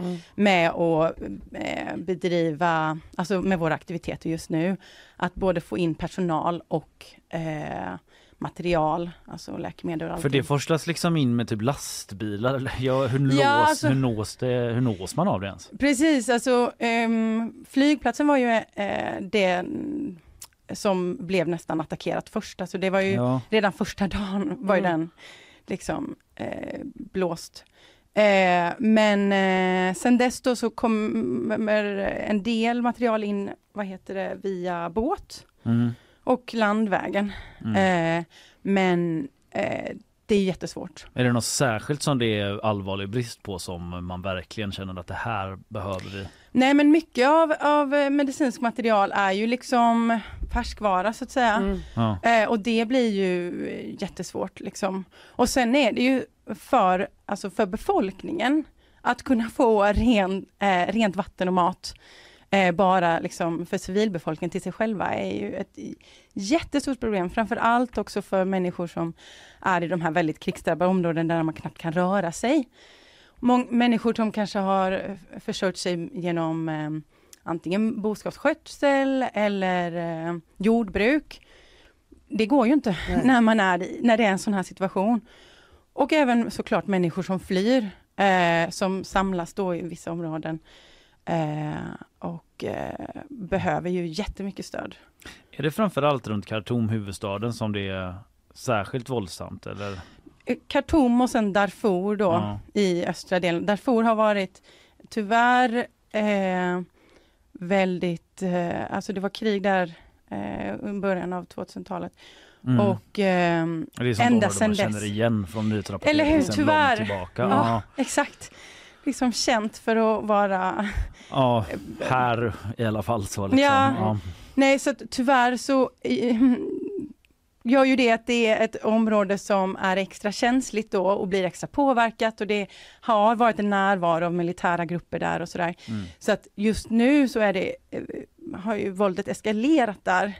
Eh, och situationen är jätte, jättesvår. Det är väldigt många som har flytt in till Chad och till eh, Centralafrikanska republiken Mm. och våra projekt även där på gränsen eh, rapporterar fruktansvärda eh, situationer för, eh, för befolkningen. Eh, där liksom beväpnade män eh, ja, man skjuter Mm. folk och bryter sig in, eh, mm, liksom plundrar. Så det, ja, Mm. det är fruktansvärt. Hur är, hur är det att liksom försöka planera någon slags vård när, alltså nu, nu kanske jag läser dig fel men det låter ju ändå som att saker under tiden du har varit där har blivit svårare och svårare. Va, hur, hur, hur gör man då för att försöka liksom Nej men det är ju jättesvårt och jag menar det är ju därför som MSF, det är därför sådana som jag till exempel blev, blev evakuerade. För att eh, den personalen som är experter på alltså eh, akuta insatser ska komma in. Eh, där, för i en sån här situation så behöver man ju vara väldigt lätt på foten liksom och eh, ändra om eh, hela tiden, se över sina prioriteringar, vad är det vi, vi behöver vara. Och tyvärr är det ju ofta så att där man, där behovet är som störst, nu i en sån här eh, liksom väldigt våldsam situation, så når man inte dit kanske. Nej. Eh, och i nuläget är det så, vi når inte överallt. Eh, men eh, Läkare utan gränser har satt upp, eh, eller stöttar ett sjukhus i södra Khartoum. Mm. Eh, som har, eh, de tog emot 240 skadade under första veckan bara. Samma sak i, i Darfur har vi också skickat ett kirurgiskt team för att stötta ett lokalt sjukhus. Eh, både med personal och med material. Mm. Så att man gör, vi gör ju verkligen vad, vad man kan.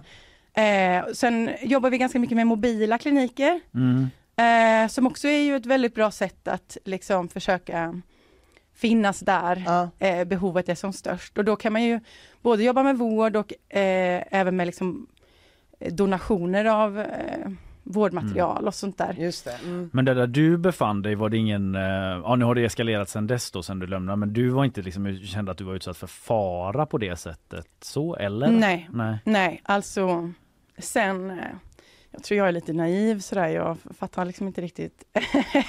det är ett sånt handikapp av att vara svensk, man tror Mm. att det liksom, det ordnar sig. Ja. Ehm, men nej, utan jag var, det, det var aldrig några nå våldsamheter precis där jag var, det var i eh, närmsta staden under Mm. några dagar sådär. Ehm, men det är ju mer oförutsägbarheten i situationen som Ja. gör att Men är man, är man liksom fredad från, som, från Läkare utan gränser? Alltså det är ju det som är en, ett jättestort problem i, eh, nu i Sudan, att egentligen enligt internationell humanitär rätt så ska ju sjukvård och sjukvårds, sjukvårdsinrättningar och sjukvårdspersonal ska fredas. Men tyvärr så har det skett jättemycket, alltså både vi inom Läkare utan gränser och FN och sådär har rapporterat om mycket attacker mot ehm, sjukvårdsinrättningar, man låter inte ambulanser passera, man låter inte eh, humanitär personal komma in för att stötta befolkningen. Eh, och det är ju ett otroligt stort problem, alltså eh, när det finns så stora behov att man liksom Mm. inte kommer dit. Nej. Eh, och det är tyvärr, alltså i en sån här situation så, alltså vi har en kollega som har blivit dödad. Eh, andra humanitära in- organisationer har haft samma. Eh, Är det liksom, om man får fråga, liksom bombningar då eller att någon dyker upp och liksom? Ja, jo, alltså det har inte varit någonting som är riktat mot MSF. Nej. Utan det är mer att MSF är Läkare utan Läk- gränser. ja, precis. Ja, ja, det är ingen fara, Bara så att alla hänger med. Mm. Exakt. Eh, nej, det har inte varit någonting som har varit riktat, utan det är mer att det är helt urskillningslöst mot alla. Mm. Och det har skett väldigt mycket plundringar. Eh, jag menar, internationella organisationer har ju mycket material och Mm. lager och sådär. Eh, så då eh, handlar det om att folk bryter sig in, tar liksom datorer, bilar, eh, material. Hade ni liksom, är det FN-soldater på plats? Eh, alltså Ja. när man har mobila kliniker, nu är många frågor på en gång här, men det låter ju ganska farligt att ha en mobil klinik som Ja, alltså eh, MSF, eh, Läkare utan gränser, jobbar, alltså vår eh, säkerhetstänk handlar inte så mycket om att skydda sig med vapen, Nej. utan mer att skydda sig genom att man är väl, att man, att populationen, att befolkningen vill ha en där. Okej. Så att det är väldigt sällan vi har eh, militärt stöd, liksom att man åker tillsammans, för då Okej. lierar ju man sig med den som man tar skydd av. Mm. Och då uppfattas man kanske som, alltså det är väldigt viktigt för Läkare utan gränser att vara neutral, att inte ta sida. Mm. Och även om man då gör det med FN-soldater så Ja. kan det uppfattas Ja, så. alltså eh, att, att eh, vara, eh, vi försöker alltid att undvika liksom, att skydda sig med vapen, utan att man istället försöker ha en eh, öppen och bra dialog med liksom, alla aktörer på plats. Mm. Och jag har alltid känt mig väldigt trygg eftersom att eh, befolkningen upplever att vi gör ett bra jobb. Mm. Så då, de vill att vi stannar för att de vet att ja, men det, var, det var de som botade min Mm. dotter. Mm. Hade du velat åka tillbaka? Ja, alltså ehm, eh, jag kommer inte åka tillbaka till Sudan nu. Jag har flera eh, vänner och kollegor som kommer göra det. Mm. Eh, men eh, jag kommer eh, åka igen eh, någon annanstans eh, framöver här. Mm.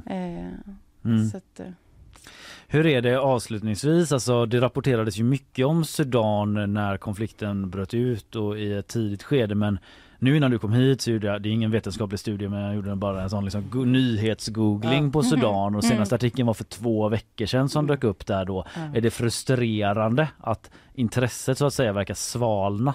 Ja men självklart. Alltså, speciellt när man är i den här situationen att jag har fortfarande kontakt med dem där och man vet hur otroligt svår situationen är. Mm.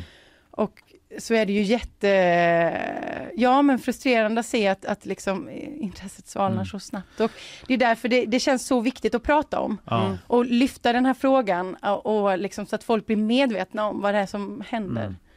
Nu är du liksom från Läkare utan gränser men konflikten som sådan framåt eh, pratar man om någon sorts eh, att man närmar sig någon sorts lösning eller Ja, vad alltså- vet du om det? Nej, det är ju inte mitt område, men det, det ser ju väldigt eh, mörkt ut. Ja. Alltså, de, eh, den vapenvilan som var, som inte heller respekterades, har ju liksom löpt ut nu. Mm. Men det är ju, ja, man får ju verkligen hoppas att eh, på en väldigt snabb lösning av frågan, men det, det är svårt. Mm. Det säger Anna-Klara Ivarsson då, läkare från Läkare utan gränser som varit och arbetat i Sudan fram tills eh, nyligen. Tusen tack för att du kom hit. Ja, tack så jättemycket. Tack så jättemycket.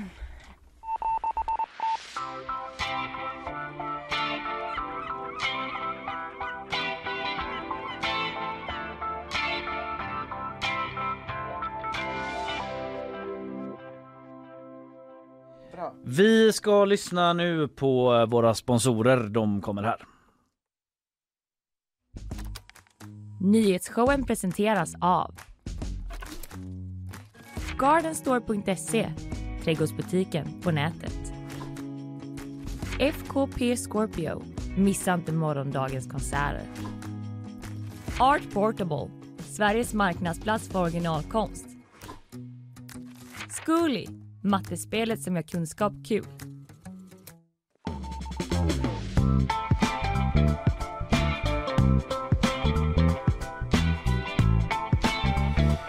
Ja, vi ska få ett nyhetssvep här från eh, Isabella Persson samtidigt som vi säger det då till Anna Klara som eh, gästade oss och pratade om situationen i Sudan då främst för eh, läkare och kollegor till henne. Hon har ju varit där nere för Läkare utan gränsers räkning då. Men eh, nu lämnar vi det ämnet för nu och eh, tar oss vidare i programmet. Vi ska till bakvagnen om en stund men innan det så ska vi få ett nyhetssvep från eh, Isabella. Ja, Varsågod. det är dags. En man har i natt hittats död i en bostad i Malmö. En kvinna har gripits och polisen utreder nu händelsen som mord. Detta rapporterar Sydsvenskan. Polisen säger att det finns flera omständigheter som gör att man misstänker brott och tekniker är nu på plats för att undersöka bostaden. Flera personer har skadats i en skottlossning i USA som skedde i samband med en examensceremoni. Flera har skadats och en 18-åring och en 36-åring har avlidit. I samband med att folk försökte fly från platsen ska också en 9-åring blivit påkörd av en bil. En 19-åring har gripits misstänkt för skjutningen. Bara under den första veckan i juni så har ett 50-tal terrängbränder rapporterats i Storgöteborg. Torkan ser ut att fortsätta och nu varnar Länsstyrelsen för att det kan bli vattenbrist. På flera håll i regionen så är vattenflödena under det normala och man har därför gått ut med en uppmaning om att spara på vattnet. Denna torka, denna torka, inte en regndroppe Nej. i sikte Nej. Verkar inte så, nej. i apparna. Och det blir bara varmare och varmare också.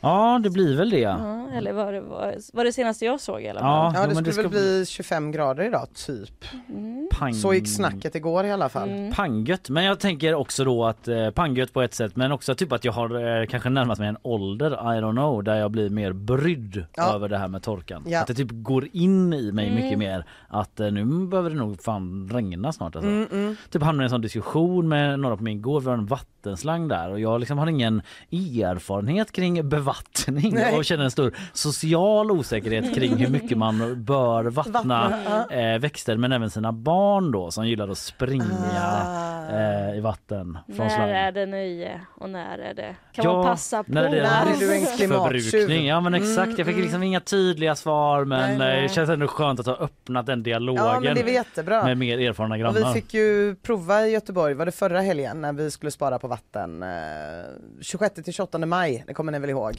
Eh, hur vi sparade, inte? Ja, ja, vad det absolut. sparades. Sparades Det väldigt. Det sparades. sparades. Eh, jag lever ju tillsammans med en människa som älskar att spara vatten, vars hela liv bara går ut på att någon ska säga att han borde spara vatten. Ja. Så eh, trappuppgångarna eh, där vi bor tapetserades med budskapet att mellan den 26 och 28 maj då är det vi som drar ner på vattnet med gemensam kraft. De lapparna hade jag behövt. Det finns en hel lista på GP hur, om eh, hur man ska spara på vatten. Är det Så sant? att det är bara in och läs. Och sist då, den helgen, då var Kortedala bäst i Göteborg. Alltså. På Spara? Mm, på Spara. Oj det är en sån tävling. Det är en Vilka är bäst på tävling så spara? att eh, det, den kanske man kan piska upp nu i sommar. Eh, För är det någonting som funkar tror jag på göteborgarna så är det lokalpatriotism. Det och tror jag. att få sula dit Johanneberg en gång för alla.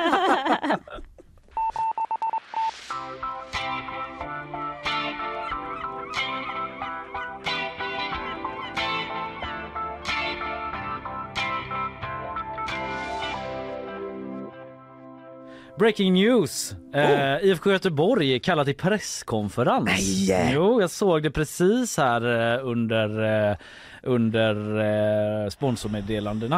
Eh, det har ju varit så turbulent Ja, eh, eh, där. Man sparkade ju tränaren Mikael Stare inför säsongen. Det pratade vi om här i programmet och eh, sen förlorade man eh, derbyt nu nyligen mot Häcken då med 4-1 och nu allra senast så mötte man Mjällby hemma. Då Ja, man det, nu var då? en, det var en match. Ja, såg du den? Ja, jag var där. Det var fruktansvärt. Hur var liksom stämningen på läktaren? Nej, det var ju liksom så jävla frustrerat med rätta. Ja. Eh, och eh, mycket buningar i slutet. Ja, Ja, förlorade med 1-0, eh, skapade knappt en målchans knappt typ. en målchans. Eh, Men nu då så läser jag på gp.se från ehm, här alldeles nyss att IFK Göteborg har fått en tuff vår i Allsvenskan och ligger på kvalplats då är det i bakgrunden och nu Mm. är det liksom bara en match kvar innan uppehållet. Eh, och nu då klockan 10 idag om, om eh, två timmar knappt så ska det vara presskonferens på eh, Kamratgården och det som eh, det spekuleras kring är ju vem som ska bli den nya tränaren.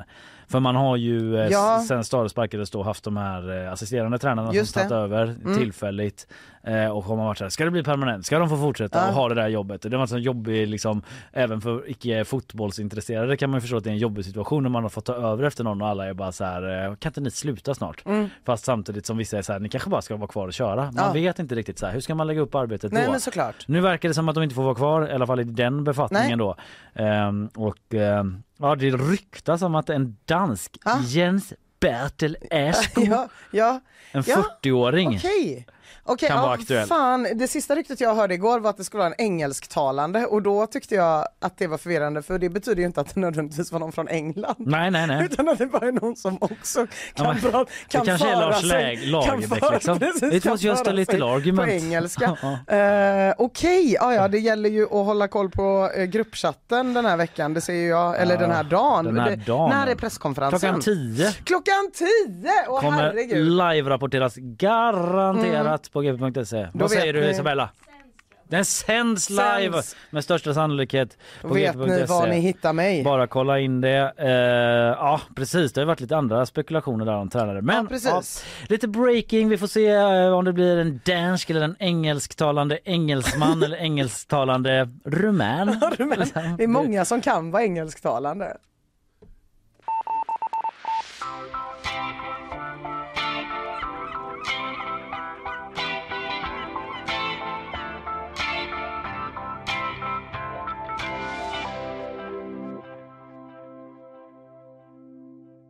Taggad. Ja, eh, Ina är i chock. eh, så jag, eh, Taggad, taggad. taggad. Jag ser spänt mot framtiden. Nu händer det, nu vänder det. Okej, förlåt, nu, nu släpper händer det, nu vänder det. Eh, något som annars kanske händer det är att Ungern kommer godkänna Sverige till NATO-toppmötet i Vilnius, alltså som, Mm. eh, som NATO-medlem. Källa? Alf Svensson! Hej, den enda Återigen! källan. Ja, den gamla... Enda källa. Alltså gamla KD-ledaren Alf Svensson ju som ja, verkar ha en väldigt speciell position när det gäller det här annars ganska hemlighetsfulla, väldigt liksom vi håller det tight frågan om NATO-medlemskap och huruvida Ungern ska godkänna oss. För det är ju mycket snack om Turkiet hela tiden. Hur blir det där? När får de tummen ur och Ja. trycker på ja-knappen? Hur blir det med det? Men även Ungern har ju eh, kvar att eh, godkänna oss då. Eh, och då är det hela tiden då att Alf Svensson är... Löpande och regelbundet uppdaterar det svenska folket. Ja, han verkar vara, eh, det är liksom Sveriges Radio Ekot då i många tillfällen som verkar ha någon sorts direktlina till Alf Svensson som i sin tur har en direktlina antingen till Viktor Orbán personligen eller till nära medarbetare. Ja. För nu är det så... Och inget av detta är hemligt längs vägen. Nej. Inget av de här telefonlinorna är det någon som tar fram saxen och kapar. Jag undrar ifall Viktor Orbán känner till vad Alf Svensson håller Ja, på med. undrar. Vet han att Alf Svensson berättar? Så fort eh, de har varit så här, kanske du vet, stött på varandra i någon matsal Ja. där han bara yes it will happen before Ja. Vilnius och Alf Svensson direkt och bara För det känns ju ibland som att ringer direkt till liksom, du vet, ring P1. Jag är liksom... berättar det. Ja. För jag är liksom inte Viktor med Viktor Orbán. Typ. Nej, jag nej. kan inte säga hur han vill leva sitt liv. Men de flesta av oss, och särskilt, jag. särskilt politiker, tycker det är rätt gött att få komma med den stora mäktiga nyheten själv. Ja. Det är som att Viktor Orbán kanske har plan- planerat någon svinstor fest där han ska en gång för alla berätta vad som händer. Ja. Och då har liksom Alf. Svensson kommit upp som förband och varit så "Ah, de kommer säga ja. Sabbat hela grejen. Bruce Springsteen spelar på Ullevi och så kommer Vem är förband till Bruce? Har han såna? Ah, Alf Svensson kommer innan aha. och läser upp setlisten. Ja, och sen blir det Born to Run. Eller liksom spela Born to Run? Sjunger Born to Run? Ja, sen kommer Bruce gå av scen och då tror ni det är slut. Men då kommer han upp och kör ett extra nummer. Bara så ni vet. Ja, tack Alf. Och då står Orban där liksom ska rulla ut någon sorts röda matta för Sverige och så sitter hela liksom svenska mediedelegationen och bara what else is new? Berätta något vi inte redan vet. Ah, men, eh, det, nära medarbetare till Orban eh, uppger för Mm. Alf Svensson att Ungern kommer att godkänna Sveriges NATO-ansökan Ja. till toppmötet i Vilnius i juli. Det har ju varit en sån där eh, hållpunkt då Ja. där man hoppas att det ska bli klart. Oklart om Turkiet kommer hinna med tills dess. Mm. Tveksamt vad jag förstår. Men nu vet vi Mm, med vet 100% i säkerhet. Han uppger det för. Omni, men jag tror att han har sagt det till Sveriges Radio också. Mm. Eh, men det är för att Alltså så här, den förre KD-ledaren säger att han fått uppgifterna om Orbans nya besked vid ett informellt möte i en trädgård. Jo tack, det Under- låter rätt jävla informellt här mötet. Under den kristdemokratiska kongressen CDI, så det är det som är Ah, kopplingen. Ja, ja, ja, ja. Men väldigt Game of Thrones att han går och pratar i en trädgård Ja, sådär. verkligen. Ja. Han går i en trädgård med kristna. Ja. Man snackar. Religiösa människor som planerar liksom Pratar om NATOs allianser. framtid. Ja. Det geopolitiska världsläget. Mm. Ja.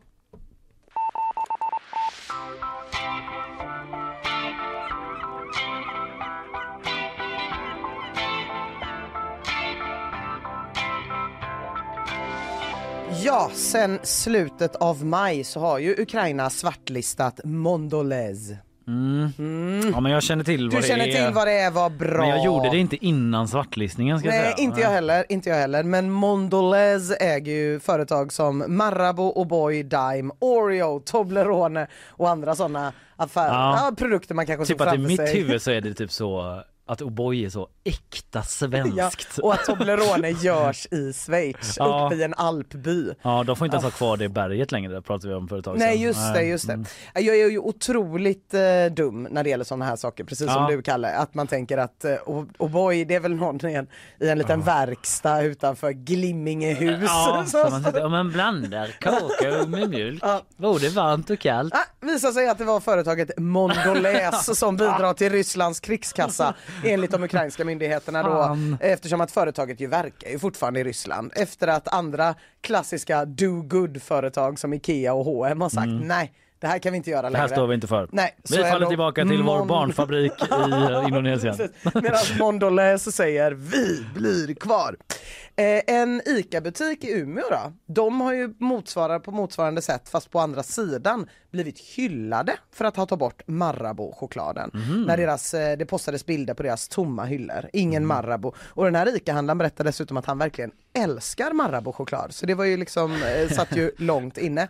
Eh, och då kommer vi till Göteborg då och här har jag lite en egen teori men jag tror, jag tänker att det var så här för i slutet utav maj så såg jag att Annie Lööf postade på Instagram bilder från sin Göteborgsweekend som hon hade tillsammans med sina barn, hon brukar inte posta ansiktena på sina barn och sådär och det var toppen. Och då står ju en av barnen med en stjärnvinst från Liseberg, en gigantisk Marabou. En sån jättestor. Okej, mm. Och då såg jag att hennes kommentarsfält brann Aj, aj, aj. brann upp.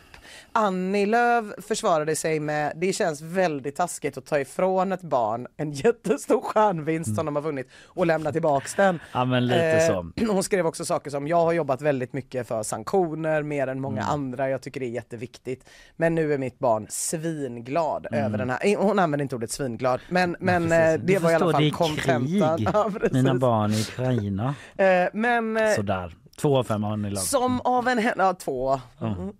Två av fem. Ja, ja, jag var tvungen, jag ville ta upp det men det gick inte. Eh, och det var ju, tror jag, den utlösande händelsen till att man kunde läsa i GP nu då att Liseberg har fått väldigt mycket kritik för att de inte har stoppat Ja, Marabou-hjulet. ja precis. Är det Annie som ska få kritiken eller är det Liseberg som jag, gav jag, Annie precis. Ja, jag, jag, jag misstänker att det är det sambandet men jag har inga bevis för det annat än magkänsla. Nice pull detective om det är så faktiskt. tackar, ja. tackar. Jag kollar med Agaton Zax. Lisebergs PR och kommunikationschef då i alla fall, Mårten Westlund, säger vi har det under bevakning och i veckan ska det tas upp med företagsledningen. Så att eh, det kan ju bli så att Liseberg kanske känner att nej, det är ganska mycket badwill Mm. att ha Mondelez. Då kanske det byts ut mot ett annat hjul. Görs- H&M-kläder, Ikea... Ikea-stolar. sto- stolar. Mm. Ja. Ja, Kanske. Brave New World. Jag fattar att jag skojar nu. Oj, nu hade jag mickarna på. Ja, Okej, vad härligt. Att jag skojar när jag sa att H&M har barnfabriker. Eh, Ja, du menar Ja, barnarbetarfabriker? barnarbetarfabriker, precis. Mm. Det, precis. Det är det jag menar. Det är det de har. det har de inte. Jag vill bara inte bli stämd av H&M. De Nej. har inte det. Nej. Det var ett skämt om eh, olika arbetsvillkor i det som förr kallades för tredje världen. Okej, Ta det som ett sånt. Ta... Förlåt. vad kul eh, mina skämt blir när jag eh, bryter ner dem så här långt i efterhand va? Minns ni det där skämtet om barnfabrikerna? Ta det inte som en provokation till en stämning. Nej. Ta det istället som ett skämt om det, om arbetsvillkoren i det som förut kallades tredje världen. Precis. Och så har alla tolkat det. Safe. Nu ska jag prata lite mer om nationaldagen. Yay! Jag har redan gjort det men eh, jag fick en eh, fördjupande artikel till mig på gp.se som eh, jag tyckte gav en viss trevlig kontext då. Rubriken är så här. Därför bryr sig inte svenskarna om att fira att Sverige fyller 500 år. Ja, men- Nej. Nej, och det är inte förklaringen då som i ditt fall att du bara liksom missat det. Nej. Nej. Okej. Eh, det kan ju vara det också. Men eh, alltså det är det här eh, som eh, vi har pratat med en eh, professor i etnologi då som säger att Sverige har inget trauma som får sinnet i svallning. Det är svårt att känna entusiasm över Gustav, Gustav Vasas intåg i Stockholm. Ja.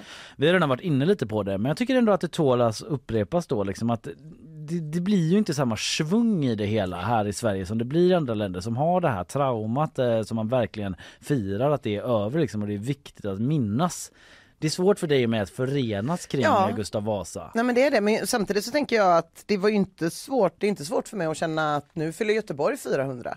Nej, kan jag känna att jag hade stenkoll på. ja det känner man ju mer kring. Ja. Även om jag i och för sig inte Jag känner också att det har varit bättre. Nej men jag känner bara att det var bättre annonserat. Ja. Det var väldigt mycket så här, "Men vi fyller 500! Man bara, när då? Imorgon! Alltså, Ja. Man bara, va? Ja. Vänta, det här får ni ju ladda för. Det kan ju Verkligen. inte bara komma dagen innan. Det är konstigt, ni, ni har haft liksom 499 Ja. år på er Exakt, flagga för det här. och så om, jag, jag känner, jag, nej jag är väldigt skeptisk till den här vi fyllde 500 år. Jag Ja. kände att hade det varit så på riktigt, nu var det någon som bestämde det som var tvungen att få ut en chokladask eller någonting. Ja. Men ja, Nej. Ja, men det har varit Christian Wedel eh, känner vi ju så väl. Han är Vad säger Wedel? Jag ställer mig bakom honom utan att ha hört vad han säger. Ja men då säger han så här då att eh, det är ett väldigt ljumt intresse från alla håll när det gäller Sveriges 500-årsfirande och i ett internationellt perspektiv måste det här ses som helt exceptionellt. Ja men liksom Ja. att i många andra länder man hade fyllt 500 år. Tänk om det varit i USA 500 år. Det hade ju varit liksom, Jo. eh, liksom det hade flugit sådana stridsplan konstant. Det hade det i 24 absolut timmar, gjort. Så. Ja. Man har inte sett i himlen för alla militäruppvisningar. Det är sant. Ehm, men um, vart var jag nu egentligen? Nej, men eh, Christian säger så här att det kanske är något sunt och vilsamt i detta. Att vi är ett land som haft lyckan att slippa krig då som piskat upp mycket nationalism. Att vi är ganska avspända till det här. Ja. Och så tar han det här med eh, USA som exempel liksom.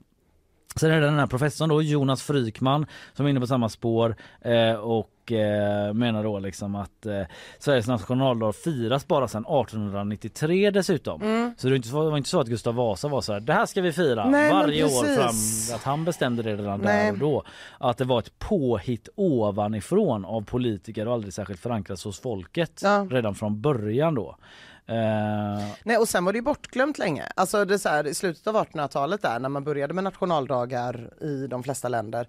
Då var det ju under en period när man var riktigt sugen på sådana grejer. Det var också Mm. då man kom på teorier som att Atlantis hade legat i Sverige och man Ja. hade historiker som skapade ett väl, en väldigt stolt och fin historia. Ja. Men det var ju under en period när man var sugen på det och sen var man ju helt ointresserad av nationaldagen. Det var ju Ja. ingen helgdag när vi växte upp. Då hade Men- vi ju annandag pingst istället. Ja, men Wedel snackar lite om att det kan ju spela roll också att den svenska flaggan under perioder liksom har shanghaiats som man säger av högerextrema krafter. Alltså typ när man själv var yngre, alltså inte bara Ja, men att man, det fanns ju ändå en sån Mm. Eh, Ja, jag vet inte, det var så post 90-talet liksom Ja. när det varit mycket problem med, med rasism och nynazism och sånt att liksom Jag vet inte, alltså jag säger, jag säger inte för alla och inte överallt Nej. men när jag gick i skolan och någon hade kommit och viftat med en svensk flagga då Ja, ja. hade nej, man ju tänkt att den var nazist, Ja, absolut. typ, Nej men så var liksom. det ju på Ja. 90-talet. Så var det ju. Mm. Eh, I alla fall, ehm, Jonas Frykman säger också så här. Det är klart att man kan tycka det är roligt att fira nationaldagen men ingen fylls ju av glädje över att grundlagen instiftades 6 juni 1809 eller att Gustav Vasa tog in i Stockholm samma dag, 1523.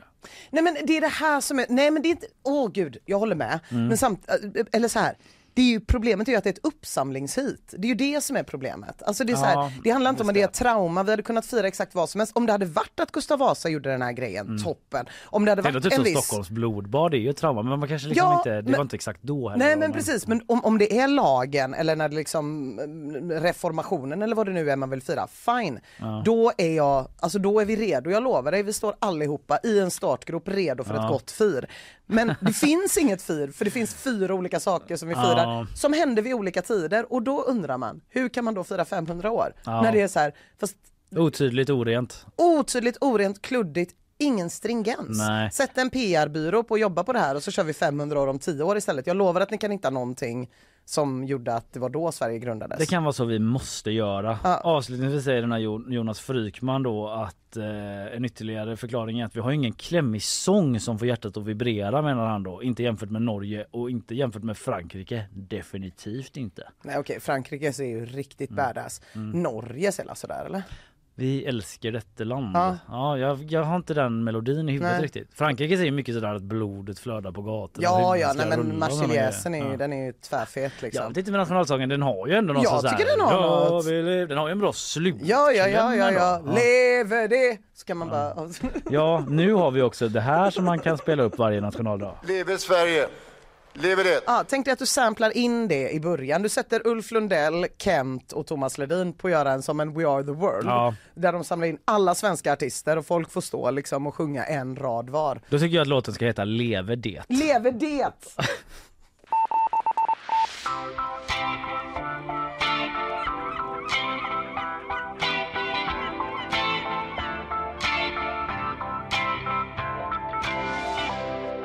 jag måste bara säga det. Fan vad mysigt ändå. Skolavslutningstider 2045. Mm. Tindrande barnögon, stolta föräldrar som allihopa stämmer upp för att fira att Sverige firar 500 år även 2040 Ja. till tonerna av Leve det. Ja, precis. Så alla ska säga. Och nu för att framföra Leve det.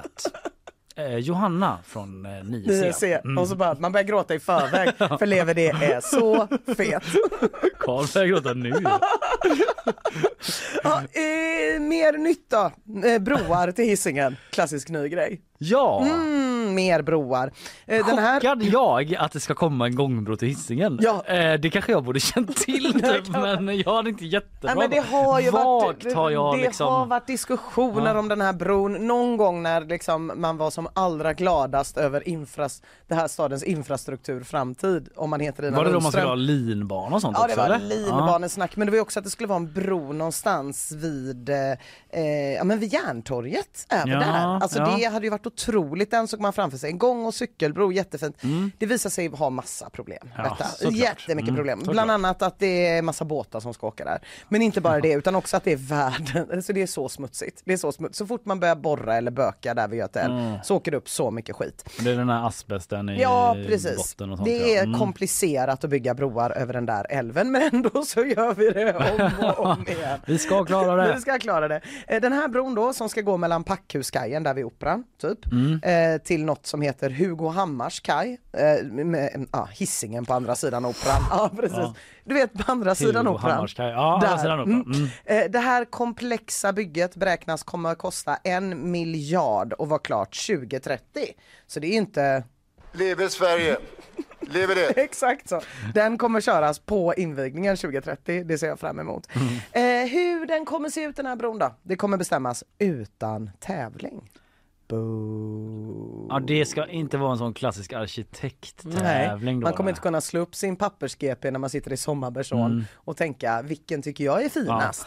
det här ser ut som eh, en sjörövarbro. Vad är det ens? Ja, vi kallar den rövarbron och den blir ännu bra. Skicka Ja, in, är Bara perfekt. för att man kan se Häcken om man tar den över. Nej, Ja, jag ja, slutar men, men, vitsa. absolut, Ja. absolut. Eh, Alla jobba, jobba, jobba, jobba, jobba. Eh, Alla partier i kommunen är överens i alla fall om att det inte ska vara någon tävling. Ingen tävling. Ska de bestämma hur det ska de- se ut eller vad? Ja, det verkar så. Johannes Hultner säger så här till GP. Det finns inte en direkt koppling mellan tävling och att göteborgarna unisont har hyllat resultatet. Det är uppenbart att det inte är en garanti för folkets kärlek, säger han. Mm. Han menar alltså att man kan anordna tävlingar och allt möjligt och sen så ser det, blir det ändå något som ingen tycker om. Nej. Det är så jag tolkar det Men det är fall. den här socialdemokraten som har varit här som är Ja. ansvarig vad är det, stadsbyggnads... eh, Eh, ja, för stadsbyggnads... Ja, ja, typ. Bro, the bro guy, bro bro. Bro. Eh, det, det verkar dessutom vara då ett extra svårt brobygge som vi var inne på innan. Mm. Eh, där liksom andemeningen verkar vara, man kan inte bara släppa in folk och låta rösta om det här. För det är så mycket viktiga saker. Mm. Och sist de ville bygga en bro, då blev den stoppad för att det var för mycket miljöproblem och sådär. Så att eh, det är för svårt för att göra Mm. en tävling. Medan Björn Siesjö då, stadsarkitekten, han hade velat se en tävling. Eh, han säger att det finns en risk för en fulare bro utan Jaha. Tävling. Så säger Just han. det. Det finns en uppenbar risk att det blir en bro som inte är tillräckligt fin för Göteborg. Nej, jag fattar inte vilka som ska bestämma den inte tävling, men då ska politikerna upphandla själva då förslag. Ja, precis. Och då är det liksom baserat på svinmånga kriterier och då vill de väl, liksom, jag vet inte, de följer ju inte alltid de här eh, vinnarförslagen ändå utan det brukar ju mer kunna vara typ den här arkitektbyrån kommer det här förslaget. Då är det Ja. de som får göra det och sen så är det som kommer något helt annat. Ja, för då kan de ändå under perioden, om en arkitektbyrå vinner, Ja. om inte så, Forsblad, Forsblad, Forsman, mm, Forsblad och Forsman. då eh, kan man ändå liksom vara inne och peta lite i deras under tiden. Precis, liksom. det brukar ju kunna Ja. ändras rätt mycket. Eh, Men det är väl mer att eh, det är ju härligt och mysigt och folkfestigt när det finns olika broförslag som man kan prata om. Ja, men jag skummade igenom den här artikeln i eller igår kväll Ja. eh, typ men att han Johannes Hult, jag tyckte det var lite roligt sådär att han eh, han, han, det är ju han, han gillar ju mycket så här eh, gammal stil Ja. på byggnader, lite Mm. mer sådär. det. Eh, lite så arkitektupproret, han är väl lite med där men liksom, jag kodar Nej. in honom lite i Mm. det facket, det Ja. får stå för mig liksom. Men eh, att han, att liksom han ombads typ att ge ett exempel på vilka byggnader, för han säger så att det inte alltid blir så bra med arkitekttävlingar Nej, heller. Och då är det något folk som säger, vilka tänker du på då då? Ja. Och att han säger nej, jag vill inte peka ut något speciellt projekt säger han. Nej. Men eh, om man tittar mer generellt bla bla bla så är det inte säkert att det är en koppling mellan att göteborgarna älskar det som har blivit en tävling. Men att eh, det är så roligt att han eh, han tänker på någonting. Det är Ja. ju någonting han tycker är, Det är ja. skitfult. Fult. Ja, som han inte vill peka, Vill peka på nu.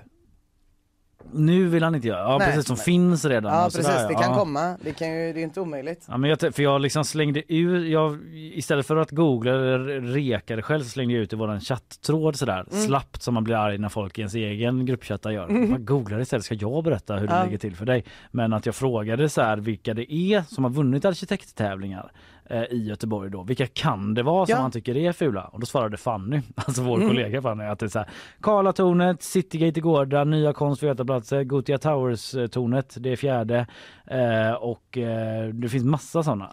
Det känns som att eh, Johannes Hultar hatar alla dem, Ja. tänker jag. Ja men precis, men Ja. den mest intressanta beefen är med Karlatornet såklart. Ja, Eh, det är väldigt, alltså det, det, det, det är ju ändå en, en, eh, en match man hade velat se i hån. Alltså och hets Mm. mellan typ så personen som har väldigt mycket ansvar för stadsbyggnad Ja. i Göteborg och den högsta byggnaden. ja. Det är ju ändå ett klassiskt klassikermöte. Ja, verkligen. Ja, ja, skitsamma. Men okej, så det blir ingen sån tävling då? Det blir ingen sån tävling, eh, det garanterar, och Björn Siresjö, stadsarkitekten, är besviken över detta. Eh, det säger vi och eh, vi säger också att eh, vi pratat idag om... Oj, vad hände med tiden? Ja, ja, den Otroligt, springer, den springer. Eh, när jag har eh, mina sidospår om vår gruppchatt och sånt. Vi har pratat om eh, den eh, nya skolavslutningslåten eh, Leve Lev- det, Leve det. som vi har hittat på då efter att eh, kungen eh, sa Leve det. Eh, på tal om Sveriges nationaldag. Och eh, jag pratade också om den här dammen vid eh, vattenkraftverket i Ukraina som har kollapsat. Starka misstankar riktas mot Ryssland och konsekvenserna är att alltså, upp mot 17 000 människor kan tvingas fly från sina byar som förväntas ödeläggas helt om de inte redan gjort det. Och du Just det, gav jag oss pratar om MR-glasögonen Vision Pro. roll. Mm.